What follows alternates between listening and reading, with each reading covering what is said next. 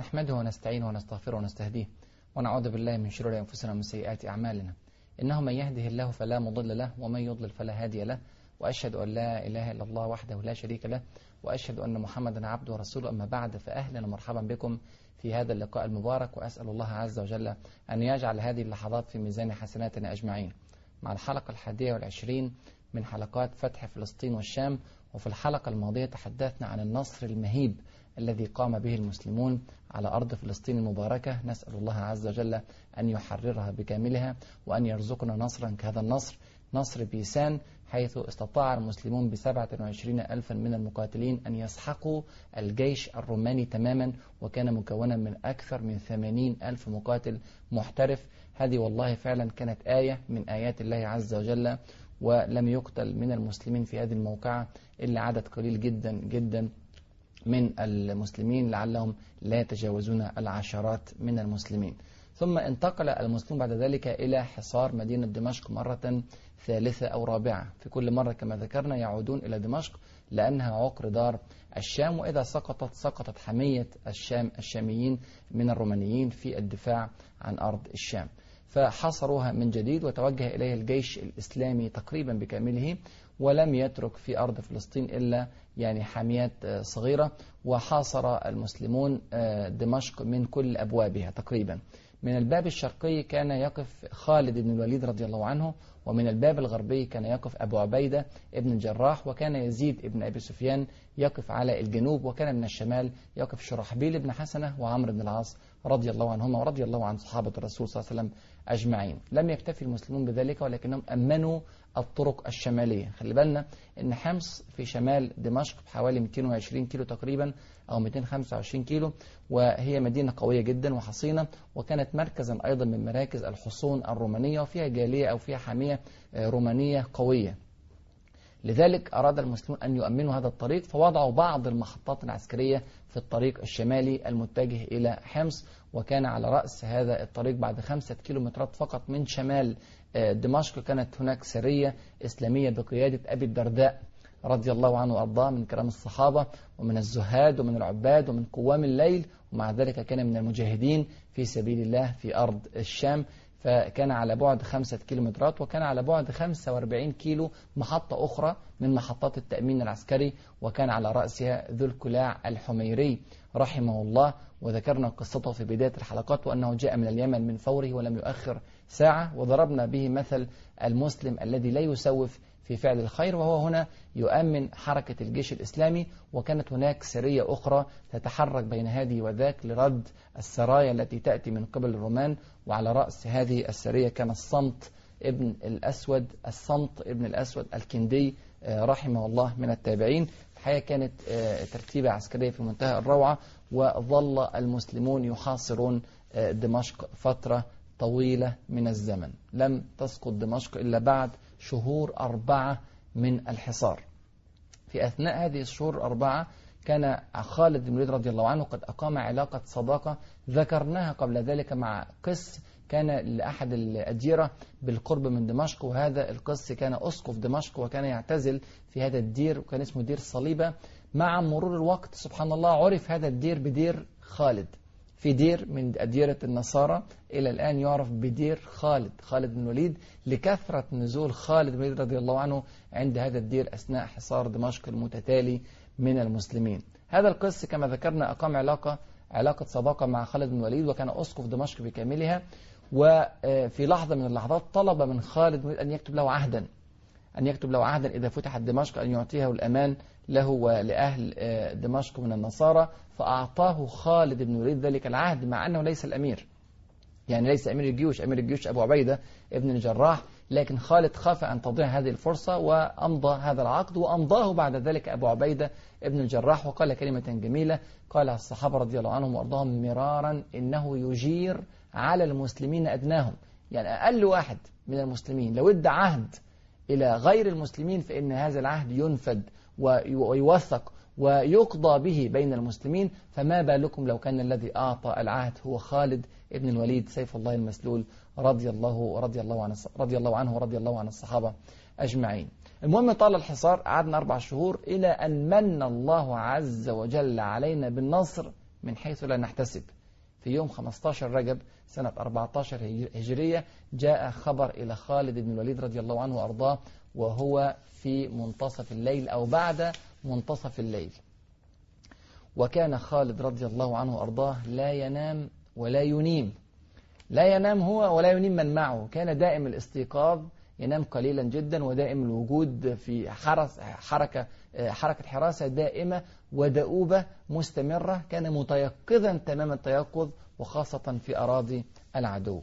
فجاءته رسالة من أسقف دمشق أنه قد جاءه خبر أن بطريق الروم في داخل دمشق قد ولد له مولود وقامت حفلة كبيرة جدا ماجنة في داخل دمشق. بطريق يعني قائد عسكري غير البطريرك أو البطرك اللي هي لفظ كنسي أو قائد ديني لكن هذا قائد عسكري وهو كلمة بطريكوس أصلا باللاتينية وكان المسلمون يكتبونها كما تنطق في اللاتينية. فهذا البطريق قائد الروماني العسكري لمدينة دمشق من الداخل ولد له مولود. فقامت حفلة كبيرة جدا وشربوا فيها الخمور وأقاموا فيها اللهو والمجون وتاه الجنود في داخل المدينة. فليست هناك حراسة قوية على أسوار دمشق في هذا الوقت.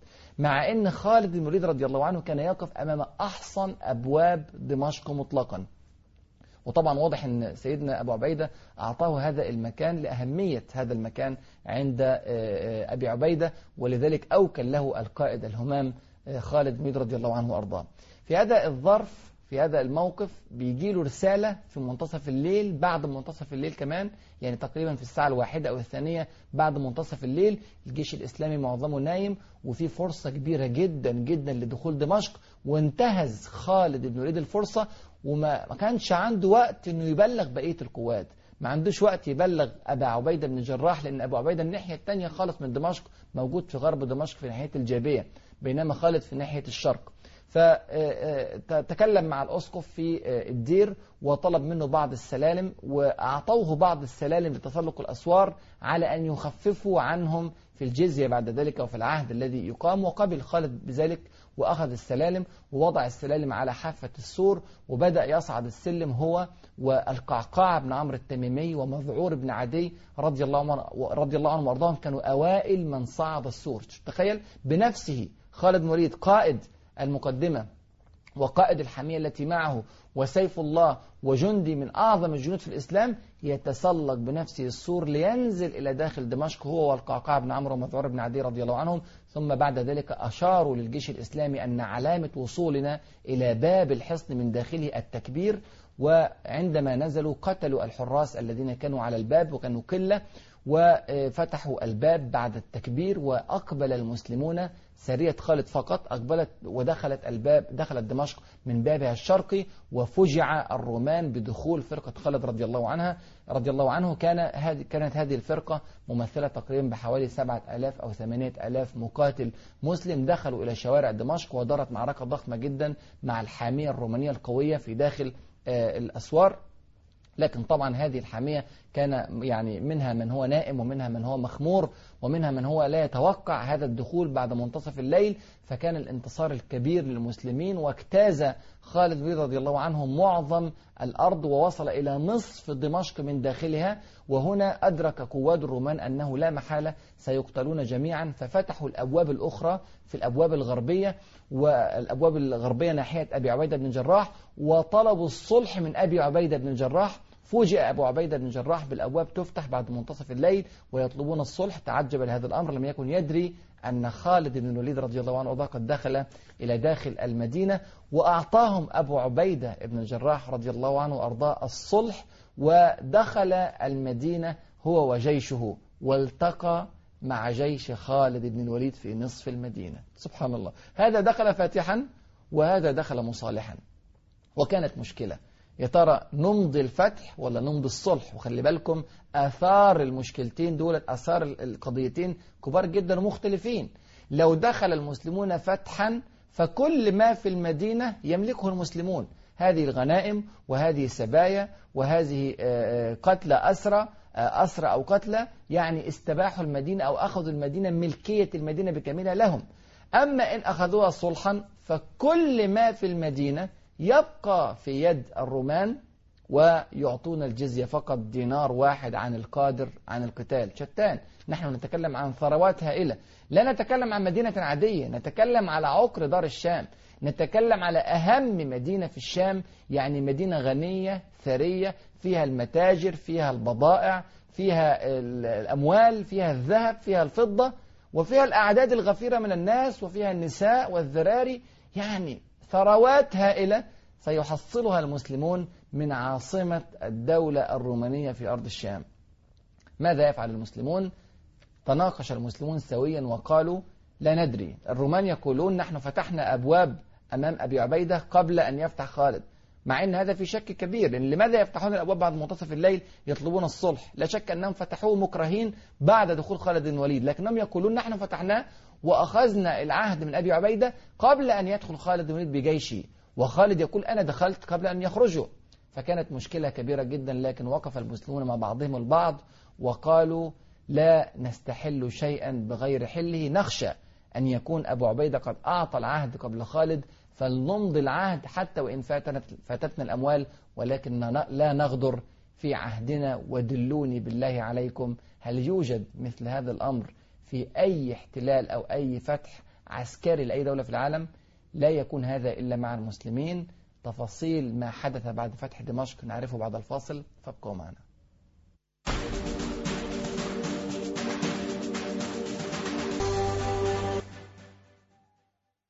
بسم الله الحمد لله والصلاة والسلام على رسول الله. قبل الفصل اتكلمنا على حصار دمشق وعلى سقوط أعتى وأحصن مدينة في الشام. وتكلمنا عن دخول خالد بن الوليد رضي الله عنه فاتحا ودخول أبو عبيدة ودخول أبي عبيدة رضي الله عنه مصالحا. وأقر المسلمون في النهاية الصلح حتى لا يقعوا في الإثم شكا في أن يكون أبو عبيدة هو الذي دخل في البداية. وأخذوا الجزية من أهل دمشق وحفظوا دماءهم وأموالهم وديارهم وردوا كل شيء إليهم.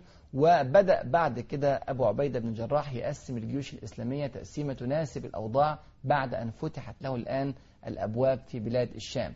أعاد أبو عبيدة شرحبيل بن حسن إلى الأردن وأصبح شرحبيل بن حسن والي الأردن في ذلك الوقت وأعاد عمرو بن العاص إلى فلسطين أصبح والي فلسطين. وطبعا زي ما قلنا فلسطين لسه فيها القدس ولسه فيها المدن الساحلية بكاملها باستثناء غزة. غزة فتحت في أوائل الفتح الإسلامي لأرض الشام. وأبقى يزيد بن أبي سفيان واليا على دمشق وانطلق هو وخالد بن الوليد رضي الله عنه إلى فتح شمال سوريا وكانت أول محطة خطيرة بتقابلهم هي محطة حمص وكانت فيها حامية رومية كبيرة وكانت مدينة حصينة وكانت من أهم المدن في بلاد الشام. وكان أبو عبيدة بن جراح يضع على مقدمته خالد بن الوليد وأطلق خالد بن الوليد قال انطلق أنت إلى حمص وسيتبعه بغالب الجيش بعد ذلك وتحرك خالد بن الوليد. خالد بن الوليد رضي الله عنه كان قدامه طريق من اثنين إما أنه ياخذ طريق السماوة وهو الطريق الشرقي اللي هو طريق الصحراء وهذا طريق أكثر أمانا لأنه طريق مباشر ومأهول في هذا الوقت. طبعا هو لا يخترق صحراء السماوة كالطريق الذي عبر منه من العراق إلى الشام ولكنه متاخم لصحراء السماوة وهو الطريق الطبيعي أكثر الطرق إلى حمص. لكن هناك طريق آخر داخلي يمر ببعلبك عبر سهل البقاع وثم جوسيه ثم يصل بعد ذلك إلى حمص وهو طريق داخلي طويل نسبيا. ومع ذلك اختار خالد بن الوليد الطريق الطويل. لماذا؟ لأن في حاميات رومية كثيرة في هذا الطريق ولم يرد خالد بن الوليد رضي الله عنه أن يذهب إلى حمص وفي ظهره حاميات رومانية فأراد أن يصفي هذه الحاميات مع مرور الطريق. وسبحان الله هذا فكر عسكري في منتهى الرقي. أول محطات خالد بن الوليد كانت مدينة بعلبك ومدينة بعلبك كانت مدينة أيضا حصينة جدا. ومع ذلك عندما وصل إلى مدينة بعلبك وجد سرية رومية قليلة جدا صغيرة انتصر عليها خالد بن الوليد بخمسين فارس فقط من المسلمين دلالة على صغر حجم الحامية الرومية. ثم انطلقت الحامية فرارا في الأرض وبعد أيام قليلة فتحت بعلبك أبوابها وصالحت على الجزية. وانتقل خالد بن الوليد بعد ذلك من بعلبك إلى جوسيه والتقى مع فرقة رومية في في مدينة جوسيه قبل حمص بحوالي 30 كيلومتر وبرضه حقق انتصار كبير ثم وصل إلى حمص وفي نفس الوقت الذي وصل فيه أبو عبيدة ابن جراح من الطريق الطبيعي الطريق القصير وصل إلى حمص وتم حصار حمص في ذلك الوقت. أبو عبيدة بن جراح ظل محاصرا لحمص 18 ليلة فقط ثم أعلن أهل حمص أن يسلموا حمص ويقروا الجزية. وطبعا ده غريب لأن مدينة حمص مدينة كبيرة ومدينة حصينة وكان من الممكن أن تطاول الحصار كما طاولت مدينة دمشق. يعني تعود أربع شهور وأكثر من أربع شهور وفي داخلها الغذاء وفي داخلها الشراب وفي داخلها أنهار. يعني الأمور عندهم مستقرة يستطيعون أن يطاولوا في الحصار. فلماذا سلمت؟ سلمت لأن الحامية الرومية بكاملها قد تخلت عن المدينة. وتركت المدينة. إحنا طبعا شايفين دلوقتي الحامية الرومية ثابت بعلبك ثابت جوسيه ثابت حمص وكل هذا له سبب سنعرفه إن شاء الله لاحقا. المهم إن في 21 ربيع الثاني من سنة 14 من سنة 15 هجرية صالح أبو عبيدة أهل حمص على الجزية. سنة 14 هجرية سقطت دمشق وسنة 15 هجرية سقطت حمص والفرق بين الاثنين كان حوالي سبع شهور تقريبا وهذه الفترة كانت فترة الشتاء وأراد أبو عبيدة بن الجراح أن يبقى في دمشق فترة الشتاء لذلك أخر القدوم على حمص حتى لا يأتي إلى حمص وإلى شمال سوريا في الصقيع الشديد والجليد الذي من الممكن أن يعوق حركة الجيوش الإسلامية. في قصة سريعة جدا كده وعابرة. في حمص نذكرها لنعرف الجيش الإسلامي وطريقة تفكير الجيش الإسلامي. أحد الجنود المسلمين كان يريد أن يأخذ أن يشتري تفاحة من أحد النصارى في مدينة حمص ولم يكن معه أموال. فأراد أن يعطيه الخوذة خوذته إلى أن يأتي له بأموال كنوع من الرهن حتى يأتي له بالمال. ولكن الحمصي يعني قال له يعني خذ التفاحة ما في مشكلة وكان يبدو عليه علامات الخوف أن هذا جيش فاتح ورجل مدجج بالسلاح فأراد أن يعطيه التفاحة بدون أن يأخذ منه شيئا ولكن أصر الجندي المسلم على أن يترك له رهنا هذا هذه الخوذة حتى يأتي له بالمال وأتى له بالمال وأعطاه ثمن التفاحة وعندها دخل الرجل في الإسلام ودخل عدد كبير من أهل حمص في الإسلام لما رأوا هذا المثال الراقي في التعامل مع مدينة مهزومة مدينة منكسرة وجيش محقق انتصارات كبيرة ومدجج بالسلاح لكن لا يأخذ شيئا إلا بحله. التفكير فيما بعد حمص أرسل يعني أبو عبيدة رضي الله عنه بعض القوى تتحرك يمينا وشمالا في أراضي الشام لفتح البلاد وأرسل في نفس الوقت رسالة إلى عمر بن الخطاب رضي الله عنه وأرضاه يبشره بفتح حمص ويبشره بعد ذلك بإرسال القوى يمينا وشمالا لفتح بلاد الشام هنا وهناك. وبدأ الرسالة بكلمة أنا أقف معها وقفة تدل على عمق النظرة عند أبي عبيدة بن جراح وعمق النظرة عند جيوش الفاتحين المسلمين رضي الله عنهم أجمعين ورحمهم الله. يقول أبو عبيدة بعد حمد الله عز وجل على فتح حمص يقول فنسأل الله ملك الملوك وناصر الجنود أن يعز المسلمين بنصره. وخلي بالك بقى من اللي جاية وأن يسلم المشرك الخاطئ بذنبه. يعني إيه الكلام ده؟ يعني أن يعزنا بنصره سبحانه وتعالى ويسلمنا المشركين لأنهم أخطأوا بالذنوب.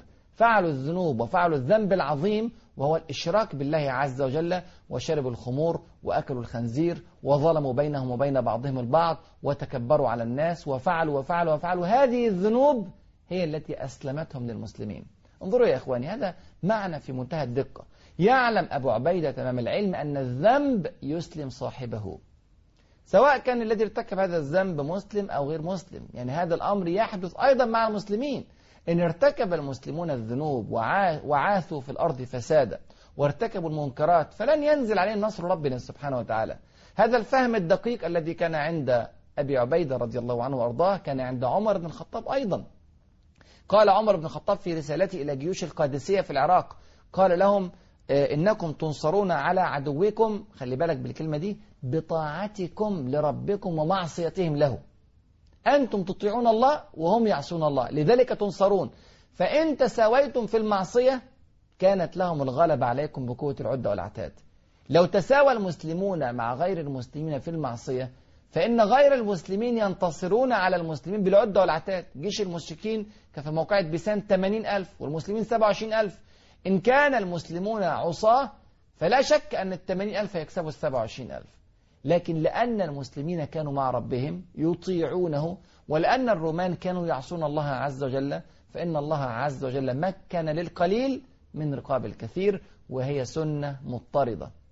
كلمة جميلة جدا قالها عمر بن الخطاب وقال لا تقولوا أننا خير من عدونا فسننصر عليهم لا محالة لأن إحنا في الآخر مسلمين وهم مشركين.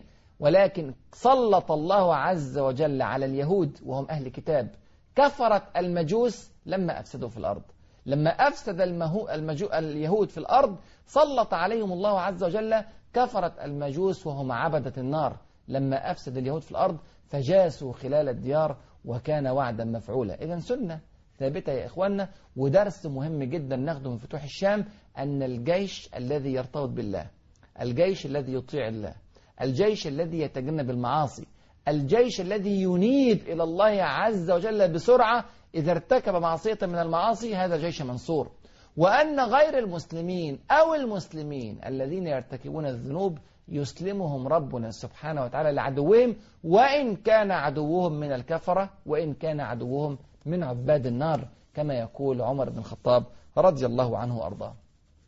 هذه الرسالة التي بشرت بالفتح بفتح حمص ونشر الجيوش لفتح بقية الشام قوبلت برسالة أخرى غريبة من عمر بن الخطاب رضي الله عنه وأرضاه يقول له قد جاءني كتابك بفتح حمص فاحمد الله عز وجل على هذا الفتح ولكن أعد سراياك إليك وكف عن نشر القوات في أرض الشام يوقف الفتوح في بلاد الشام ليه؟ سيدنا عمر بن الخطاب رضي الله عنه بيوقف الفتوح في بلاد الشام في ذلك الوقت لأن في هذا التوقيت لو نظرنا إلى الساحة الأخرى في أرض العراق سنجد أن رستم وهو أكبر قوات فارس في ذلك الوقت يجمع أعداد مهولة لحرب المسلمين وصل تعداد الجيش الفارسي الذي جمعه رستم إلى 240 ألف مقاتل وكان عدد الجيش الإسلامي في موقعة القادسية 32 ألف بس يعني واحد لثمانية فيرى عمر بن الخطاب رضي الله عنه وارضاه أن الموقف متأزم جدا جدا في بلاد العراق وأنه قد يحتاج إلى الطاقة الإسلامية الموجودة في بلاد الشام.